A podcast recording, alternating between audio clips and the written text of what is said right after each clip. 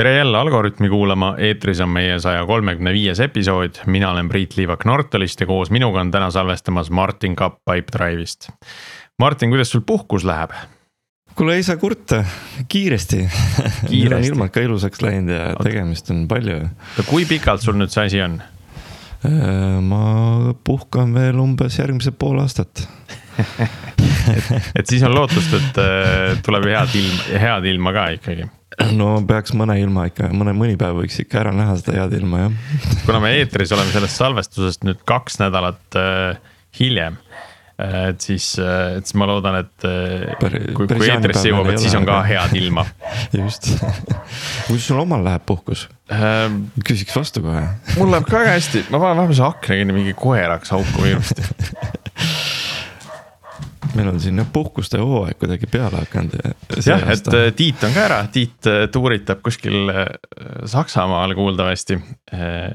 ja, ja siis meie Martiniga mõlemad puhkame minul läheb ka hästi, järgmised pool aastat puhkan ka mina umbes ja naudin ka head ilma, tead, uskumatult palju saab tehtud, nii kuidagi teistmoodi tunnen. ja, ja isegi jõuan sotsiaalmeediasse postitada, et ma olen siin Oho. paar, paar päeva järjest avastanud, et oo, mingi huvitav artikkel, et seda, seda võiks LinkedInis jagada. varem nagu ei, ei tulnud seda niimoodi ette et äh, tööpäev lõppes. teistmoodi ja aja, aja sisustamine on teistsugune, kuidagi väga, väga kiiresti kulub ära ka see aeg kohe. jah, jah, aga samas kõik, kõik päevad on mõnusalt tulemuslikud, et mina olen väga rahul. Soovitame teistelegi, ma arvan, kuulajatele soovitame puhkust jube hea asi äh, nii, aga siis äh, me pole siin Algorütmis juba Äh, päris pikalt rääkinud masinõppest ja täna tahaks selle vea ära parandada. ja proovime selle teema täna siis päris algusest peale pulkadeks võtta ja meil aitab seda teha meie külaline. Edward Eret, kes on Oko masinõppe juht, tere, Edward. tere alustame siis sellest, et tutvusta ennast paari lausega, et kust sa, kust sa tuled, mis su taust on ja, ja kuidas sa Okosse jõudsid ja mida sa täna teed? mina olen äh, masinõppega tegelikult tegelenud juba äh, neli aastat äh,. alustasin sellega tegelemist äh, enda magistritöö käigus äh,.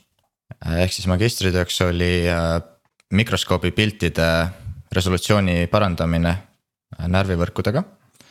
kuule, see on see, see on see filmimaagia, et enhance täpselt nii, et täpselt seda tegingi. CSI jah ja sealt edasi äh, liikusin äh, erinevatesse startup idesse äh, nii Inglismaal kui äh, Eestis. Ja siis äh, alates selle aasta jaanuarist töötan äh, Okos, juhin masinõppearendusi. ja Okos äh, me tegeleme mööbli äh, projektimüügiga ja Okko digitaalne platvorm ongi mõeldud äh, mööblivaldkonna digitaliseerimiseks. ja selle kasutajad on äh, põhiliselt professionaalsed sisearhitektid. nüüd, kuidas me kasutame masinõpet seal? Äh, kolmel eri viisil. kõigepealt tootehaldus. kuna meil on väga palju brände, siis kõikide toodete käsitsi lisamiseks kulub äh, väga palju aega ja selleks me oleme teinud mitu masinõppe tööriista. ehk siis, kui inimene paneb mingisuguse toote ülesse meie platvormile, siis äh, masinõpe annab sellele tootele kõik äh, kategooria ja tag'id, mis teeb ta kergesti otsitavaks. seda teeb nii pildi põhjal üks närvivõrk kui ka teksti põhjal üks. üks teine närvivõrk. üks teine närvivõrk, jah samamoodi me kasutame masinõpet ka otsinguks, äh, nii tekstipõhiseks otsinguks äh, kui ka pildipõhiseks otsinguks. ehk siis pilt tehakse närvivõrgu poolt vektoriks ja siis otsitakse sarnaseid äh, vektoreid andmebaasist mm. -hmm. aga kuidas see, kuidas see teksti puhul, mis, mis nüanss seal on, et tavaliselt see käib kuskile indeksi vastu, mingi teine trikk on seal? jah, täpselt, et tegelikult hetkel ongi meil äh, tekstipõhine otsing ehitatud üles Elasticsearch'ile mm. -hmm. aga kuidas see, kuidas see ML sinna nagu tuleb, et kuidas seda plaanis rakendada on siis? et samamoodi äh, tekstist äh, teeme ka äh, vektorid äh,. Kasutades siis äh, sihukest võrku nagu transformer äh,, mis on, mis on muutumas järjest populaarsemaks. et, et ka teha tekstist äh, vektor ja siis otsida sarnaseid tekstilõike. ehk siis tehakse kõigepealt inimesse sisse kirjutatud otsing sõnast vektor ja siis võrreldakse nende vektoritega, mis on saadud siis toodete kirjeldustest. et siis ühesõnaga mitte ei ole nagu sõna-sõnaline otsing, vaid nagu sihuke sarnase konteksti otsing. Täpselt, et selles ongi see eelis, et äh, alati inimesed ei pruugi teada äh,, millise sõnaga mingit äh, toodet meie süsteemis kirjeldatakse äh, tegelikult mul endal tekib seda tihti, et seal on nagu nii spetsiifilised äh, mööblivaldkonna sõnad. et ma isegi ei, ei nagu ei tunne äh, neid sõnu veel. aga kui sul on äh, mingisugune andmestik, kus, kus need samad sõnad on kuidagi klasterdatud.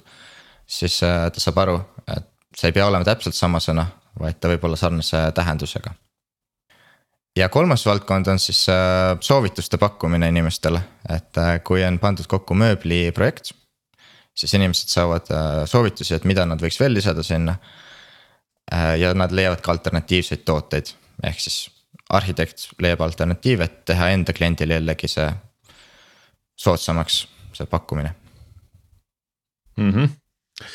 Ehm, Nonii, siin on juba nagu palju, palju huvitavat äh, just nagu tehnilise poole pealt ja, ja tegelikult käis ka äh, võib-olla masinõppe võõrale inimesele läbi ka mitu uut äh, kummalist sõna, et seda vektorit siin mainiti mitu korda et tänase episoodi eesmärk on siis teha, proovida teha see, see masinõpe nii-öelda puust ja punaseks kõigile meie kuulajatele ja, ja mulle ja Martinile sealhulgas. Ähm, et hakkame sealt siis pihta, et noh, mis pagana asi see vektor selles masinõppes on, sest noh, seda kasutatakse palju, et vektorid ja maatriksid on ju.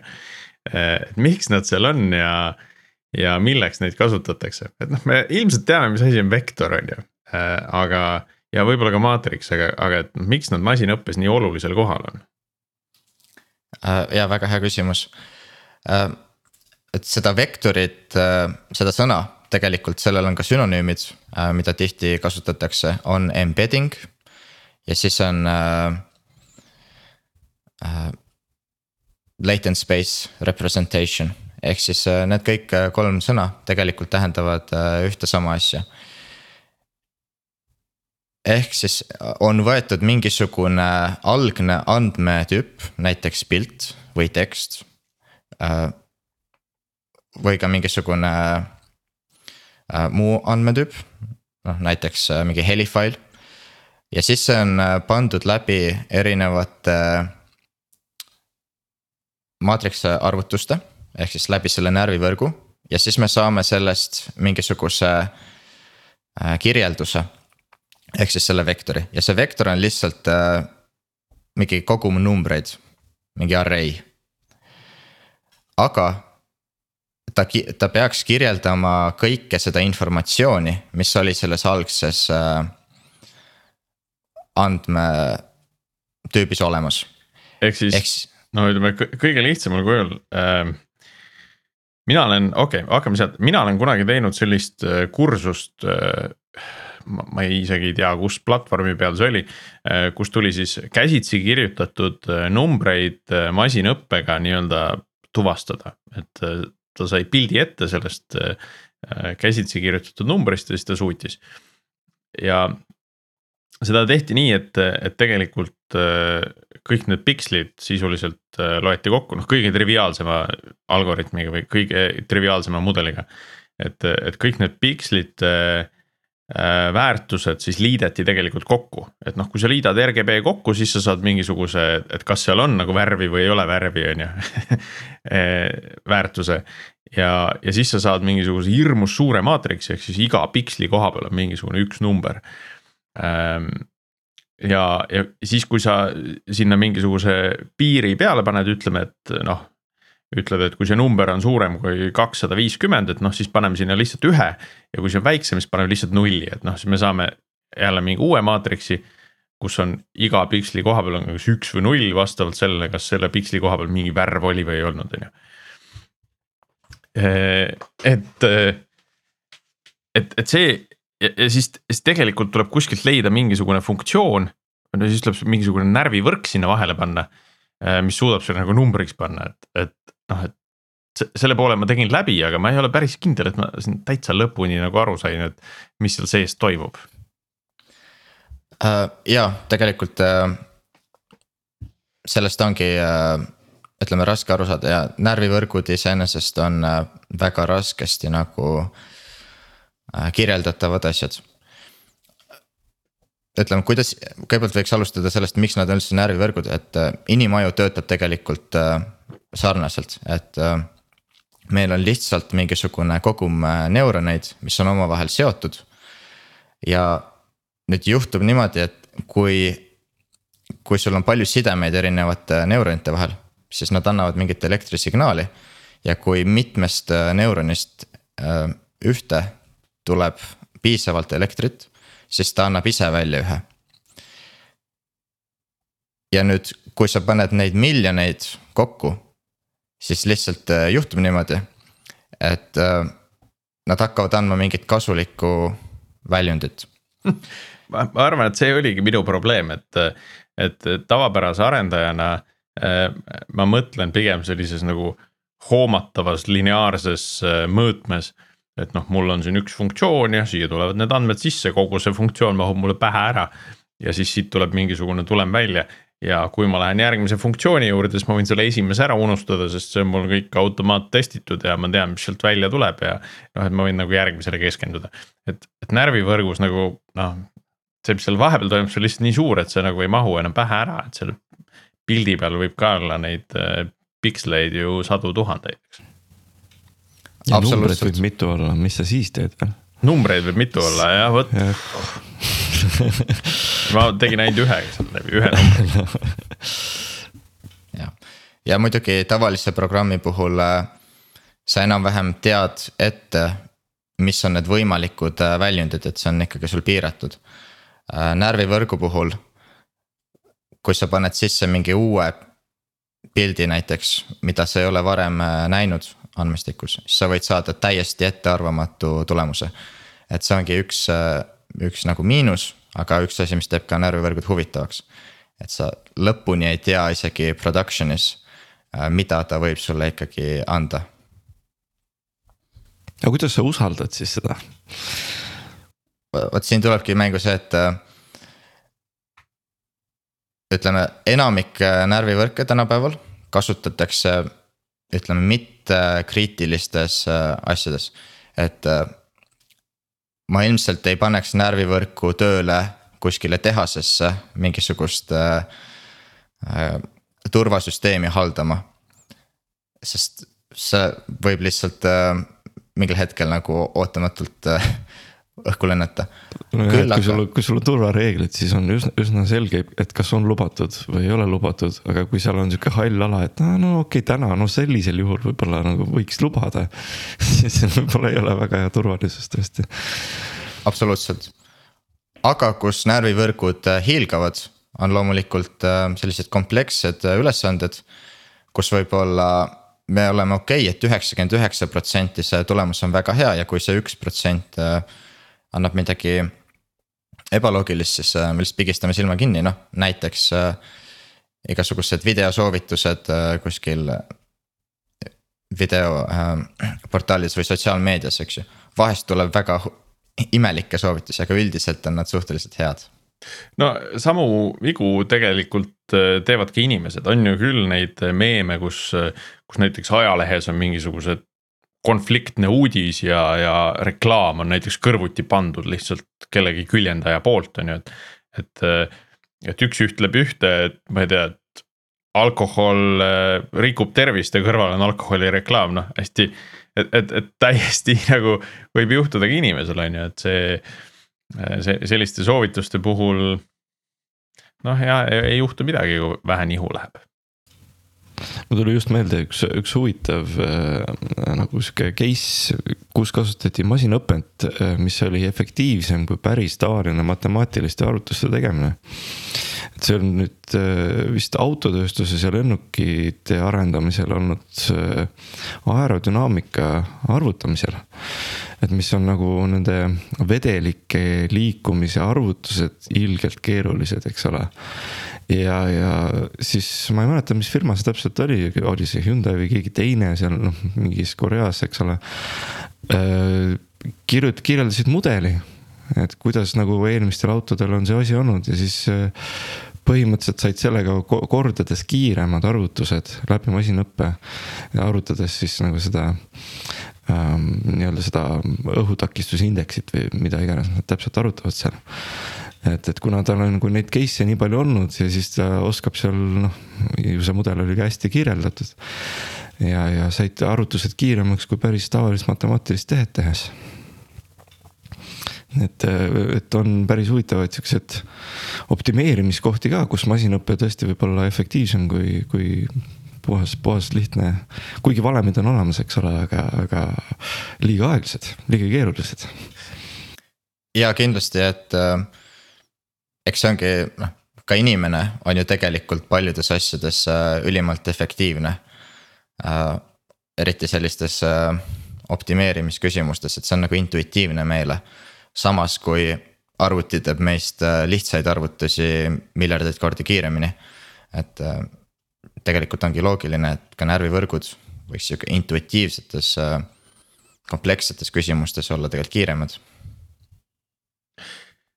nüüd noh, mina tean, et, et, et masinõpet äh, defineeritakse ka väga erinevalt, et võtaks, vaataks korra seda ka, et kuidas sina defineerid, et kuidas me ütleme, et. et mingi asi on masinõpe ja mingi asi ei ole masinõpe, et äh, kus sa selle joone vahele tõmbad äh,? Ja võib-olla alustakski sellest, et mis on nagu tehisintellekt, et äh, sellest küsimust Al. alustame sealt, jaa. et äh, ma ütleks, see on ka väga laialt defineeritav, et mm. -hmm for loop või, või if lause on ka tegelikult mingil määral tehisintellekt, kuigi tänapäeval enamik seda ilmselt esimesena ei, ei klassifitseeriks selle alla äh,. siin, siin ei olegi nagu sellist äh, kindlat reeglistikku.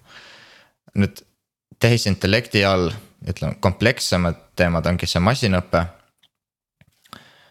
ja masinõppe sees tuleb veel äh, süvaõpe ehk siis närvivõrgud masinõpe, mina defineerin kui midagi, kus äh, sul on olemas algselt äh, andmed. ja sul on vaja saada programmi. Aga kui, aga neid andmeid tegelikult ju ei pea väga palju olema, ma olen ka näinud neid näiteid, kus võetakse kaks siis äh, kuidas öeldakse, koodijuppi ja pannakse nad omavahel peitust mängima Äh, et noh, kasutades siis masinõpet, nad õpivad järjest paremini peitust mängima läbi nagu reinforced learning'u. aga alusandmeid seal sisuliselt ei ole, et nad hakkavad nagu täitsa nullist pihta. ja äh, see on tõsi, aga isegi sellisel juhul, eks ju, nende andmed äh, on see keskkond. ehk siis neil peab olema mingisugune mm -hmm. võimalus õppida, ehk siis nad kas ütleme, kui mingi kaks programmi mängivad omavahel nad peavad olema võimelised aru saama reeglitest ja nad peavad olema võimelised aru saama sellest olukorrast, mis hetkel valitseb seal süsteemis. okei okay,, et mingid andmed neil ikkagi on, kasvõi seesama sisend, mille pealt nad õpivad, et kas nüüd läks hästi või mitte. Täpselt. nii ah,, eh, ja, ja., sorry, ütle. Ähm, et ähm, nüüd, kui me lähme erinevatesse masinõppe valdkondadesse, siis tegelikult masinõpet on ka mitut tüüpi, ehk siis kõige võib-olla rohkem nähtaval äh, on see süvaõpe, mida kasutatakse piltide ja äh,. Ja suuremahulise nagu teksti analüüsiks, aga tegelikult on masinõppel ka teisi kategooriaid, on äh, otsuse puud ehk siis decision trees inglise keeles mis on tegelikult äh, lihtsalt äh, õpitavad äh, if laused. ja tuleb välja, et kui me paneme nagu algoritmi, kus, kus ta võib panna if lauseid justkui nagu puuna ja ta võib õppida, õppida neid, siis äh,. see süsteem õpib ka äh, väga hästi ennustama sellistel äh, andmestikel nagu äh, lihtsamad tekstilõigud äh, ja näiteks äh, ajapõhine. ajapõhised andmed, time series data, ehk siis näiteks äh, sellega on võimalik ennustada. või vähemalt proovitakse ennustada äh, näiteks erinevate kaup äh,. erinevate äh, aktsiate hinda või erinevate äh, kaupade. tarneaegu siis või, ah hindu, okei okay. et hinnagraafiku järgi siis vaadatakse. et kui on niimoodi käitunud minevikus, siis tulevikus ta võiks teha niimoodi. okei okay. Nii, aga, aga lähme nüüd äh, äh võib-olla selle õppimise poole et, et kui nüüd mina olen arendaja, kellel on huvi masinõppega kätt proovida, et kas ma peaks siis üles otsima selle kursuse, millega neid äh, numbreid sealt pildi pealt tuvastatakse käekirjast. või, või oleks nagu sinu soovitus hoopis, hoopis kuskilt mujalt alustada? tegelikult äh, siin on nüüd kaks äh, erinevat suunda, ma arvan, mis on inimesel võimalik valida pean ütlema, ma ise valisin äh, ühe suuna, aga tegelikult nüüd soovitan teist. et ma ise valisingi tegelikult samamoodi äh, selle kursuste teema, et äh, võtsin kõigepealt paar kursust Courseras ja ülikoolis. õppisin selgeks kõik selle matemaatika, mis seal taustal töötab, kõik need, kuidas need maatriksid omavahel korrutatakse. Ja siis hakkasin seda kasutama praktikas nüüd selle miinus oli muidugi see, et äh, mul kulus umbes aasta aega, et kõik see selgeks õppida. Ähm, ja siis alles hakkasin tegema, ütleme korralikke praktilisi asju. see on okei okay,, kui sa oled äh, ülikoolis või kui sulle antaksegi töö juures aega lihtsalt äh, rahulikult õppida ja see kindlasti annab sulle hea tausta. aga mina soovitaksin uutele inimestel, kes hakkavad praegu õppima masinõpet Äh, ja kes on juba kogenud äh, programmeerijad. pigem minna otse probleemi juurde. et vaadata, mis on teie firmas näiteks äh, mingisugune probleem. mida hetkel keegi ei suuda lahendada või vaadata, kas on mingisugune tegevus, mis on hästi monotoonne, hästi lihtne. Ja vaadata, kas te saate seda masinõppega kuidagi automatiseerida Äh, ja toon ka välja siis, kust nagu äh, otsida, kui te tahate teooriaga alustada, siis äh, ongi Coursera ja deeplearning.ai äh, kaks äh, head ressurssi, mida ma soovitaks. kui te tahate praktiliste asjadega alustada, siis on sihuke asi nagu äh, Fast ai äh,. Neil on ka kursus, aga see kursus ongi just äh, väga praktiline, et äh, te teete seal nagu enda probleemi põhjal esimesse närvivõrgu. ja on sihuke portaal nagu Kaggle, kus äh, te saate leida probleeme, mida lahendada, kui teil endal ei ole neid hetkel firmas võtta. kas seal on siis nagu päris, päris inimeste päris probleemid, et mingisugune, et, et kui see asi saab valmis, siis see läheb kellegi kätte teoreetiliselt kasutusse ja loob väärtust äh,? ütleme, kui te olete piisavalt hea, et äh, saada Kaggle'is äh, esimese kolme sekka, siis äh, ma arvan, et see asi läheb seal kindlasti kasutusse. sest seal on nende võistluste eest ka auhinnad ja tegelikult need auhinnad on päris suured osadel võistlustel, et nad võivad olla sajad tuhanded eurod. Ja kui, kui teie algoritm on piisavalt hea, et see läheb kasutusse et, et see on kasutatav, siis see kindlasti ka läheb kasutusse nende firmade poolt, kes seal sponsoreerivad. aga seal on ka lihtsamaid lahendusi. Ähm, ja seal on see eelis, et inimesed avalikustavad enda lahendusi ka. et te saate õppida selle pealt, kuidas mingisugused kogenud eksperdid äh, on sedasama probleemi lahendanud. Ja saate iseennast äh, selle võrra parandada. ma lihtsalt näen, et noh, vaata kõik need probleemid on, on natuke sellise nagu ennustamise vibe'iga peavad olema, et noh, et et siin on nüüd keegi kirjutas käsitsi ühe numbri, ole hea nüüd ennusta, mis number see on või ürita ära arvata, et noh, et see on ikkagi mingisuguse confidence'iga tuleb, et. et see noh, selle probleemi äh, see probleem võib ettevõttes olemas olla, aga see peab justkui nagu tegelikult sobima ka siia masinõppe konteksti, et kuidas seda ära tunda, et kas see on masinõppega lahendatav või see peaks olema. või, või see pole üldse lahendatav või kuidagi teistmoodi hoopis lahendama äh,. väga hea küsimus, et siin ongi nüüd see erinevus. Äh, kas me tahame lihtsalt õppida masinõpet kasutama või me tahame päriselt seda praktiliselt kasutada. Ütleme, kui me tahame õppida seda masinõpet kasutama, siis me võime kõiki probleeme lahendada mingisuguse masinõppe algoritmi, me võime. proovida ju võib. jah, me võime võtta mingisuguse if äh, lause ja seda, selle teha närvivõrguks. et see ei ole väga praktiline, aga see annab võimaluse meil lihtsalt õppida, panna kokku lihtne närvivärk. Äh, kui ma, kui me aga räägime nüüd praktilisest äh, masinaõppe inseneritööst, siis ma arvan, kõige tähtsam äh, oskus ongi see, et saada aru, kus üldse kasutada masinõpet ja kus tegelikult tavaline programm oleks palju efektiivsem. ja peab tunnistama, et tegelikult enamik programm, e-, enamik probleeme tänapäeval ikkagi vajavad sihukest äh, nii-öelda tavaprogrammeerimislahendust. aga masinõppega ongi lahendatavad äh, need probleemid, kus on äh, kompleksne sisend.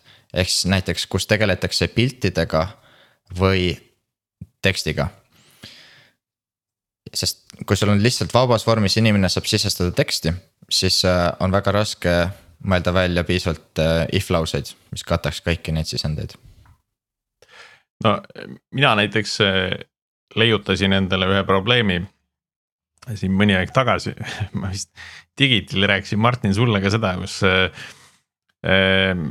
mingi tüüp osales äh, vist kuu aega koosolekutel niimoodi, et ta pani lihtsalt video mängima nagu iseendast niimoodi, et ta kuulab ja vaatab ja kuulab ja. ja, ja siis äh, next, next step oli see, et tal olid salvestatud mingid klipid nagu selliste tüüpvastustega.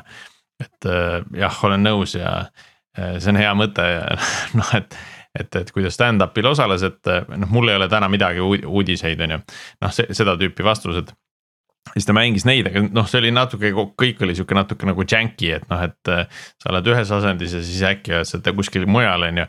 Ähm, ja, ja mina siis kirjutasin sellise jupi, mis siis tegelikult proovis videost otsida üles äh, kõige sarnasema kaadri, mis match ib nagu minu noh, hetke, hetkeolekuga, eks ole et, et kui sa leiad selle kõige sarnasema üles, siis sa teatud video transformatsioone tehes nagu selle sujuvalt nagu noh, sujuvamalt eh, nii-öelda sellesse videosse ümber lülitada. et sa saad panna, et noh, mine nüüd video peale ja siis ta teeb mingi otsingu ja siis ta läheb, paneb video käima.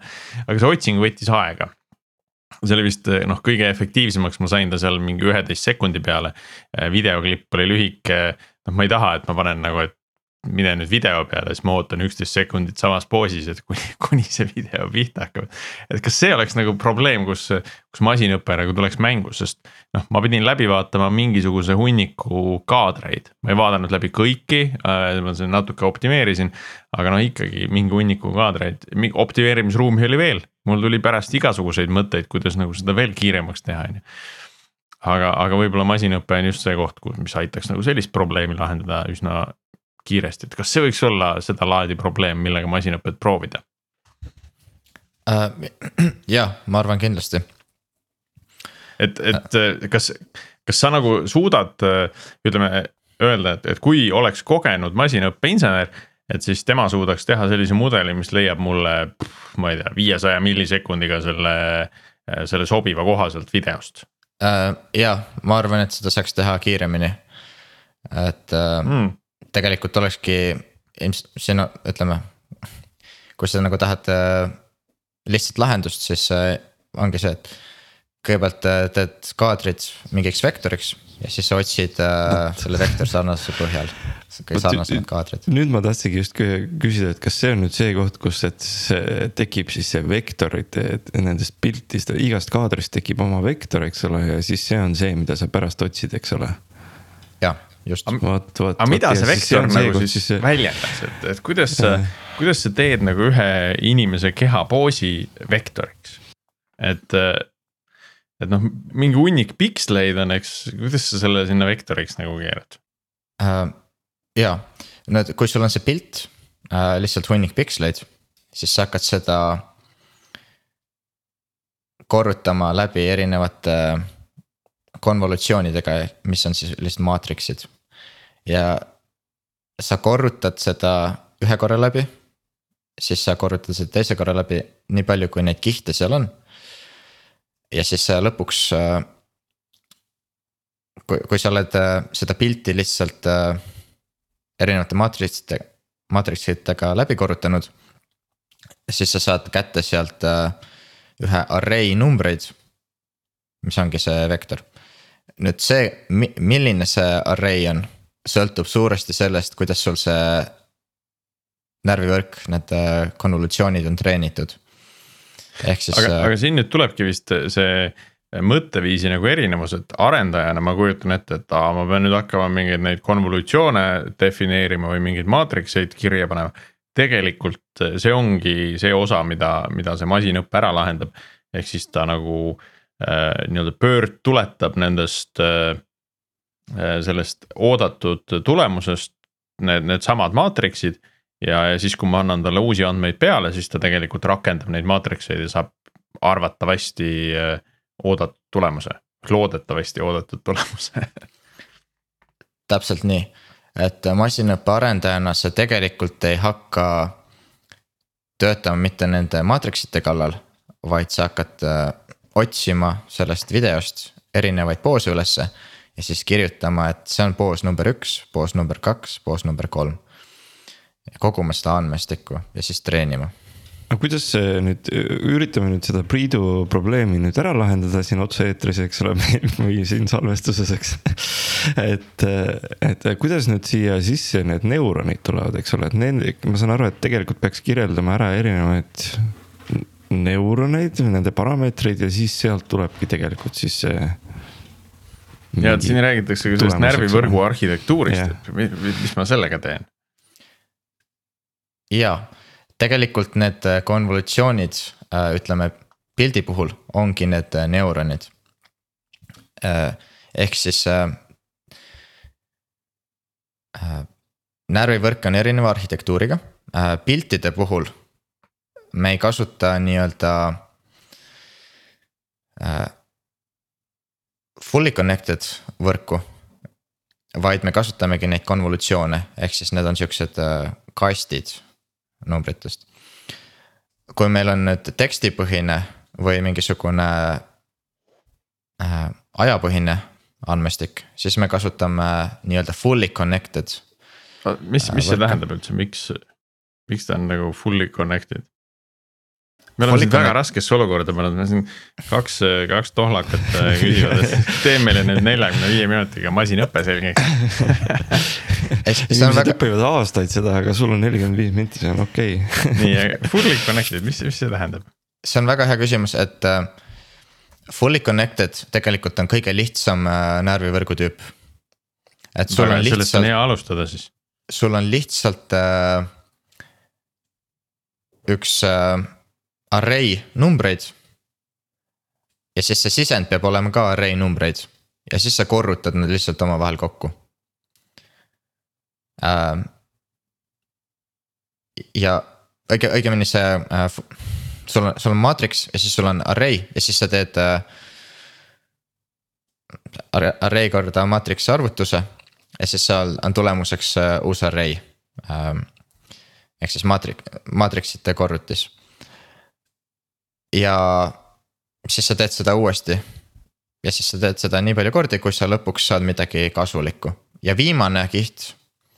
on sul selline, mis äh, on äh, ka array.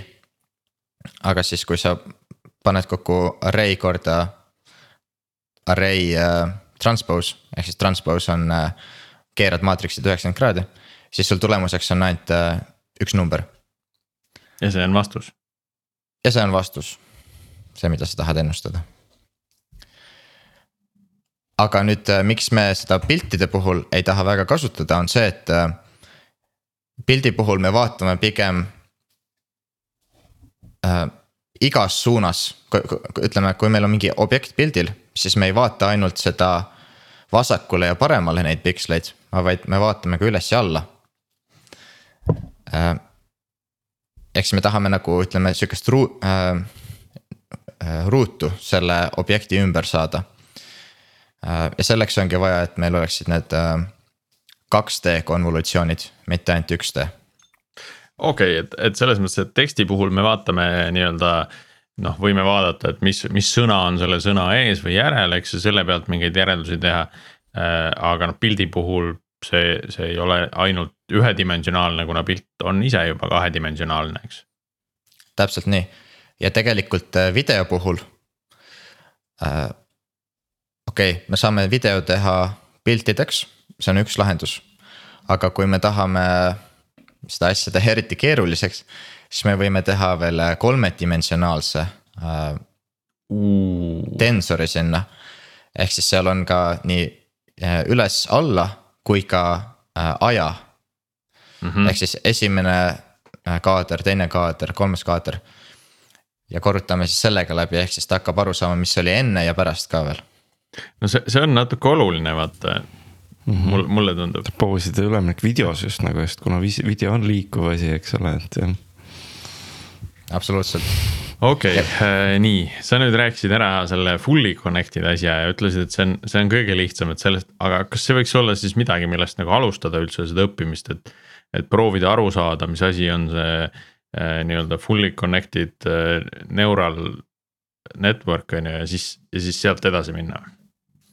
absoluutselt ja siin ma võib-olla tuleksin äh,, tooksingi välja, mis minu esimene projekt oli.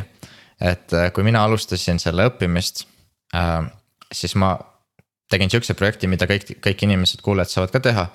et äh, võtsin lihtsalt äh,, kogusin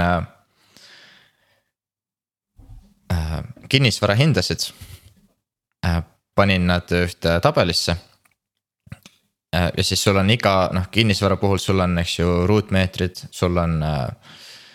tema asukoht, asukoht on siis latitude, longitude äh,, sul on ta korrus, need kõik on andmepunktid. ja sa saad muuta need siis selleks array'ks. ja nüüd sa teedki selle ühe array, mis sul, mis sul on see sisend, korrutad ta läbi selle fully connected äh, võrguga ja siis saad hakata vaatama, kuidas äh, mõjutab erinevate kihtide panemine seda tulemust. ehk siis. Äh, noh, to-, toome lihtsalt näite, sul on näiteks tuhat erinevat maja. Nende korrused äh,, ruutmeetrid ja nii edasi. ja siis sul on nende vastavad hinnad. Ja siis sa saad vaadata, panna kokku selle esimese närvivõrgu. vaadata, et mis juhtub, kui sa paned ainult ühe Äh, kihi sinna, ehk siis selle ühe maatriksiga korrutad läbi. tulemus on või, võib-olla isegi suhteliselt hea, et võib-olla äh,. kuskil viiskümmend protsenti nendest hindadest on suhteliselt mõistlikud. aga nüüd, kui sa paned teise kihi, siis on võib-olla juba seitsekümmend protsenti.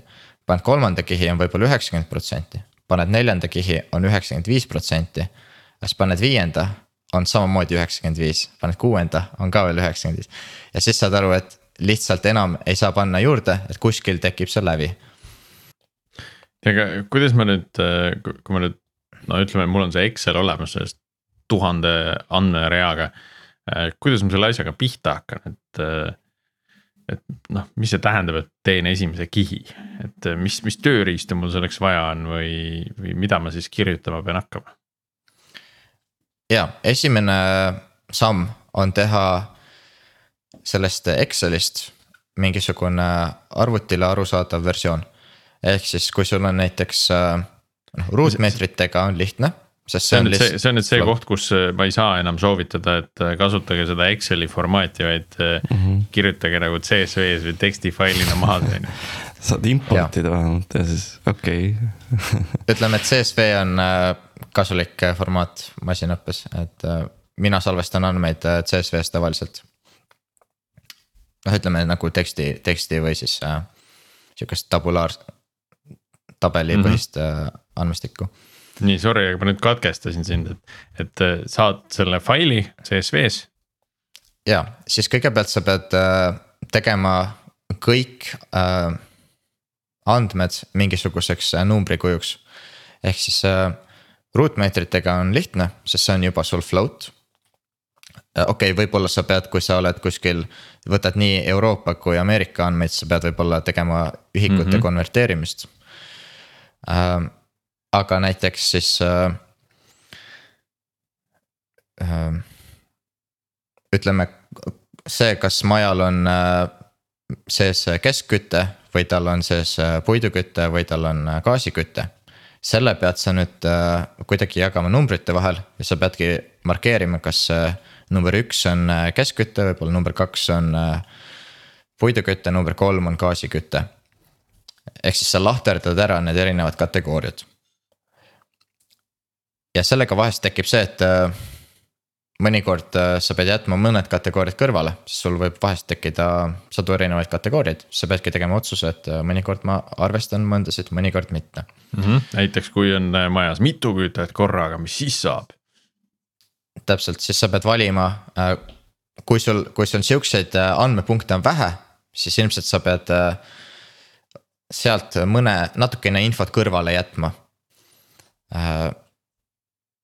Ja ütleme, andme, andme teaduses ongi see, see nagu raske, et äh, mis infot äh, ma kõrvale jätan, sest äh, kõik, kõik see info ei sobi nagu mudelisse kokku. okei okay,, aga oletame, et sa oled suutnud selle Exceli teha CSV-ks ja siis sellest CSV teha kõik numbrikujule. nüüd järgmiseks sul on valida erinevate framework'ide vahel. sul on valida kõigepealt, kas sa kasutad närvivõrke või sa kasutad äh, neid otsusepuid. kui sa tahad äh, otsusepuid kasutada, siis sul on äh, siuksed äh, framework'id nagu äh, näiteks XGBoost ja kuulajatele ärge, ärge proovige meeleheitlikult kuulata, minge meie show notes'i vaatama, me paneme need sinna kirja. ja, ja sellega sa saad teha paari reaga sisuliselt äh, selle otsuse puu. mis äh, õpib väga kiiresti äh, neid hindu ennustama. ja see töötab hästi ka protsessori peal. ehk siis siit tulebki välja see, et kui sa tahad alustada masinõppega, sa pead otsustama ka, mis riistvara sul on. Et kui sa tahad teha otsuse, otsusepuid äh, või, või gradient boosting ut, mis on natuke edasi arenenud versioon. siis sul piisab äh, heast protsessorist. kui sa tahad hakata tegelema närvivõrkudega, siis sul oleks vaja tegelikult äh, ideaalis head graafikakaarti ja see graafikakaart peab olema Nvidia oma. Ten-, tensor core'id, eks ole, mida seal loetakse, on ju. ja, kuigi Ja- nad vist tegid ka eraldi seadmeid siin vahele, et nad vist tegid ka eraldi seadmeid, mis on mõeldudki nagu masinõppe jaoks, et, et, et kes on väga tõsiselt seal sees, et siis ei pea enam graafikakaarte, on ju. Äh, ja absoluutselt, et äh, on sihukest äh, spetsialiseeritud äh, äh, ütleme siis graafikakaartide GPU-de edasiarend-, arendusi, mis, mis töötavadki just ülihästi äh, närvivõrkude arvutuste jaoks. ma soovitan ise muidugi osta äh, hea graafikakaart, sest äh, siis sellega saab ka muid asju teha äh,. aga. kui see, okei okay. äh, sul on, kui sa, oletame, et sa ei taha teha seda või sa oled juba proovinud äh, teha äh, otsuse puu ja see ei töötanud piisavalt hästi. siis sa võib-olla tahad proovida närvivõrku äh,. Ja kui sa tahad närvivõrku äh, arendada. siis äh, selle jaoks on sul ka framework'id äh,. kõige kuulsam ilmselt on äh, TensorFlow, mis on siis Google'i poolt äh, arendatav äh, framework. mis lubabki sul lihtsalt kirjutada äh, lühikese koodijupina, et äh, mul on sisendiks see äh, array äh,, mul on äh, ma tahan, et seal oleksid need kihid ja siis panedki lihtsalt paika, kiht number üks on fully connected äh, võrk, kus on äh, ütleme tuhat parameetrit. kiht kaks on fully connected võrk, kus on äh, viissada parameetrit. oota, mis see tähendab siis, kas ma, kas ma teen selle jaoks midagi või ma lihtsalt ütlen, et, et lihtsalt siin on tuhat parameetrit ja ongi kõik või? või ma pean defineerima ka kuidagi mida, midagi seal vahel, selle kihi jaoks äh,? Ütleme fully connected äh, kihi jaoks sa defineeridki selle parameetrite hulga, ehk siis sa defineerid äh, sisendi parameetrite äh, arvu ja väljundi. et, et näiteks sellesama majade näite puhul noh, ma tean sisendi para-, esimese kihi puhul kindlasti sisendparameetrite hulka. sest need ongi täpselt kõik need numbrilised väljad, mis ma sinna CSV-sse välja kirjutasin, on ju. ütleme, et neid on, ma ei tea, viiskümmend tükki aga kuidas ma nüüd tean, mis, mis seal, mis see väljund siis on, et äh, väljund võib olla, mis see väljund võib olla seal? või mitu tükki neid väljundparameetreid võib olla? üks noh, hind. ja, äh, kui sa tahad teha niimoodi, et sul on ühekihiline võrk, siis sa teedki niimoodi, et sul on väljund ainult üks. nii, aga kui ma nüüd tahan mitu kihti teha, siis kuidas ma tean, mitu siis sellest viiekümnest nagu alles peaks jääma, et mis Äh, kui suur see väljundparameetrite hulk võib olla. sest äh, tõenäoliselt ongi, kui ma teen teise kihi, siis seesama väljund, esimese kihi väljundparameetrite hulk on teise kihi sisendparameetrite hulk ja võib-olla siis selle tulemuseks on hind, eks. aga mis seal vahepeal on, et kuidas ma selle numbri panen, panen ka viiskümmend, panen kakssada äkki äh,? täpselt, et äh, see on sinu vaba valik äh,. sina kui äh, masinaõppeinsener pead lõpuks tegema selle otsuse. ja sa saad äh, loomulikult proovida, sa saad katsetada, et mis juhtub, kui ma panen esimese kihi väljundiks äh, kümme. mis juhtub, kui ma panen esimese kihi väljundiks äh, sada, mis juhtub, kui ma panen esimese kihi väljundiks kolmsada et, et kas see, kas see eristabki siis kogenud masinaõppeinseneri Äh, sellest äh, juuniorist, et ta tuleb ja paneb esimese korraga selle õige numbri ja siis küsib hirmus palju raha. ja siis see juunior nagu kaks nädalat lihtsalt proovib neid erinevaid numbreid läbi ja siis koperdab võib-olla mõne otsa, mis on päris hea. itereerib ükshaaval ühest kahesajani siis et, et kas, kas seal nagu mingisugust sellist nagu süsteemi või loogikat taga ei ole, ma kunagi nägin äh,. mingi saade oli selle kohta, kuidas tibude sugu määratakse ja see on, see on väidetavalt nii keeruline, et sa pead seda kaks nädalat tegema ja siis sa hakkad kuidagi maagiliselt aru saama, kuidas seda tehakse. ja, ja need, kes super hästi oskavad seda teha, nemad ka ei oska sulle öelda, et, et kuidas nad seda õigesti teevad aga nad teevad seda õigesti et, et kas seal ei olegi nagu mingit sellist nagu süsteemi taga, et, et võtta arvesse neid ja neid aspekte ja neid parameetreid ja, siis kuidagi analüüsi seda nii ja nii pidi vastus on, et äh, ei ole, et äh, see ongi võib-olla, mis teeb selle. selle kogu arenduse noh, minu jaoks teeb natuke huvitavaks seal, et äh, sul, sul ei ole mingit kindlat algoritmi, mille põhjal sa selle mudeli parameetrid määrad. Sul on jah, mingisugune intuitsioon, sa oled võib-olla teinud midagi sarnast aga isegi ütleme, kui sisend jääb samaks, aga muutub andmestik.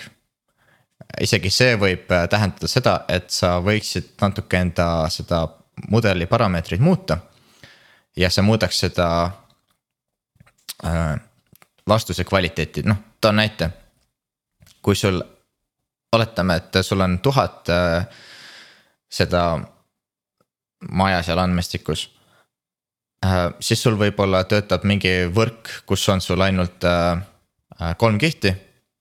ja igas kihis on noh, või noh, esimese kihi väljundis on võib-olla kakssada parameetrit. kui sul on nüüd äh, miljard maja, siis võib-olla see võrk jääb väikseks äh,. ta küll annab sama sama tulemuse, mis ta andis tuhande maja põhjal. aga kui sa võtaksid nüüd, et seal on äh, ütleme viiskümmend kihti ja palju laiemad kihid. siis sa saaksid palju täpsema tulemuse. aga jällegi, kui sa nüüd kasutad sedasama suurt võrku, mis töötas miljardi puhul, kasutad seda tuhande peal. siis ta õpib üle ja ta annab hoopis, hoopis väga halva vastuse.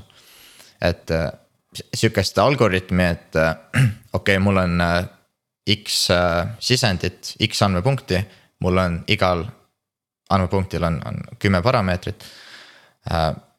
sihukest kahjuks ei ole või õnneks, ma ei tea, teebki selle huvitavaks kas selle jaoks ei saa mingit masinõppe algoritmi kirjutada või mudelit teha, et mis neid ära kusjuures seda on üritatud teha äh,. aga siiani vist äh, mitte väga edukalt, muidugi, mis on äh, võimalik äh,. On see, et sa automaatselt proovid läbi ja see ongi võib-olla kogenud äh, masinaõppeinseneri üks äh, tööriistadest. et sa enam mitte manuaalselt ei, ei istu ja ei, ei jooksuta seda skripti, ei muuda midagi, vaid sa teedki ise, teed skripti äh, sa teed sihukese otsingu nimekirja äh, kõikidest erinevatest äh, valikutest, mis sa tahad läbi proovida. Äh, jätad ta ööseks jooksma ja hommikul tuled tagasi, vaatad, milline siis mis arv parameetrit kõige parem oli, jah. see on nagu working hard või hardly working nagu, et natukene, et noh, et paned selle käima, siis tuled, tuled tagasi tööpäeva lõpus, et päev otsa siin ragistasin ja mõtlesin sellised numbrid välja aga sa paned tegelikult kellegi teise neid numbreid äh, ragistama. See on nagu, see on nagu jälle uus samm, eks ole, et alguses oli, et kompileerib, siis oli, nüüd on, et äh, deploy ib ja mm, -hmm. ja nüüd on kolmas, eks ole, et no,. masin mõtleb masin mõtleb jah nii noh, mulle tundub, et, et see, mis sa räägid, on äh, noh, see alustamine tundub nii lihtne, et tuleb lihtsalt see probleemi leidmine on vist nagu kõige raskem osa nagu sellest. ja, ja siis hakata nagu katsetama, et, et see probleem peab natuke köitev ka olema, et äh, kui aus olla, et see numbrite käekirjast tuvastamine ei olnud väga köitev probleem. kui see tööle hakkas, see nagu jess, mõnus, aga, aga noh, see algusest nagu no tegelikult vist eh, nagu sa ka enne mainisid, eks ole, et oluline või siis nagu hea tunnus, eks ole, inseneri puhul on aru saada, et millist probleemi on üldse mõtet masinõppega lahendada, eks ole, et on probleem, et näiteks seesama, no me võtame selle Oko näite esimese hooga, ma mõtlen. aga milleks seda masinõpet vaja, kõiki neid asju tehakse ka tavaliste database'i search'ide, Elasticsearch idega, saab väga hästi hakkama, tag imised, asjad on ju. aga jah, et kui see probleem on juba veits nagu teistsugune või, või veidi keerulisem või on siin mingisugused natuke siuksed nagu kõhutunde asja juures, eks ole, et siis võib-olla on, on see õige koht, eks aga Edward, kui palju sul seda ette tuleb, et, äh, et sa näed probleemi ja siis äh, kõik su vastused on masinõpe. et äh, noh, et, et kõik naelad näevad äkki ühtemoodi välja põhimõtteliselt, et, et see on just need masinõppega lahendamised, et. või et kujutad ette, et naelad on ka ristpeaga kruvid, et peaks nagu noh, masinõppega ära lahendama ja sisse suruma. ütleme niimoodi, et äh, mul varem tuli seda rohkem äh, kui ma alustasin eriti. Äh, nüüd pigem ma üritan alati ise äh, teistele, kes tahavad kasutada masinõppe lahendusi. Äh, selgitada, et vahel ei ole seda vaja, et vahel saab palju kiiremini, palju lihtsama asjaga selle ära tehtud. ja siin võib-olla teine asi, mis, üks asi, mis ma tooksingi välja, mis on hea masinõpp, masinõppeinseneri omadus tänapäeval on see, kui ta on ka hea lihtsalt programmeerija, Pythoni programmeerija. miks Python, sest enamik masinaõppe framework'e on Pythonis kirjutatud, aga ta võib olla ka hea ükskõik mis keeles.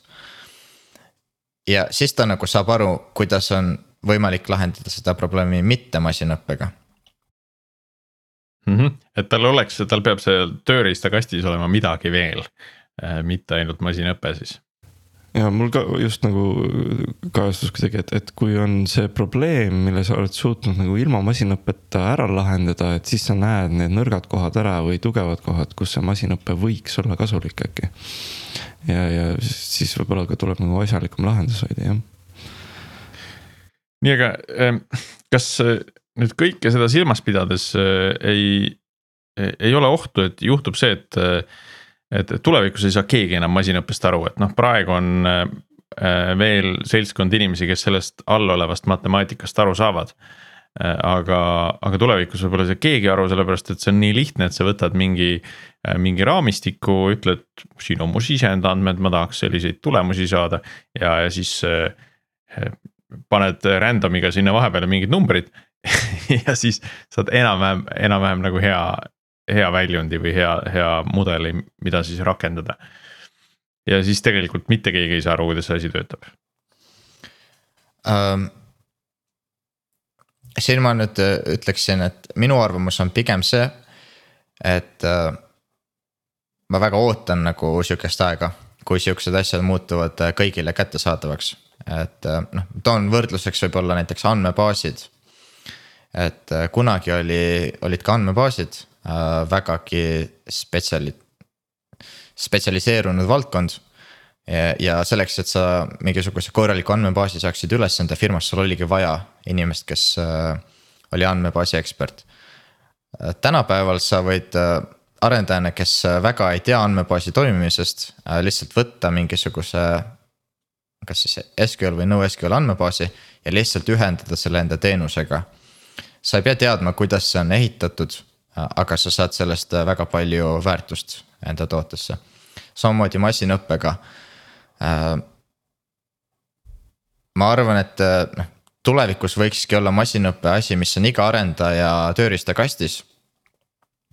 ja iga arendaja oskab mingil määral valida mingisugused teenused. mitte, ma räägin nüüd mitte enam nagu PyTorchist ja TensorFlow'st, vaid ongi valmis mingisugune library äh, kuskilt GitHubist või, või mingisugune masinõppeteenus kuskilt pilveteenuse pakkujalt. ja sa tead, mis on selle eelised, mis on selle nõrkused ja sa saad selle ühendada enda, enda teenusega või enda äpiga. ja see, see on ülioluline pool ähm, minu arust, et et täna on noh, lisaks sellele, et on olemas need raamistikud, on ju tegelikult olemas ka terve hunnik äh, mudeleid, noh, mis suudavad tuvastada, kas pildi peal on inimene või ei ole, on ju. või, või ka objekti tuvastus ja sildistamise asju on ju tegelikult väga häid juba olemas.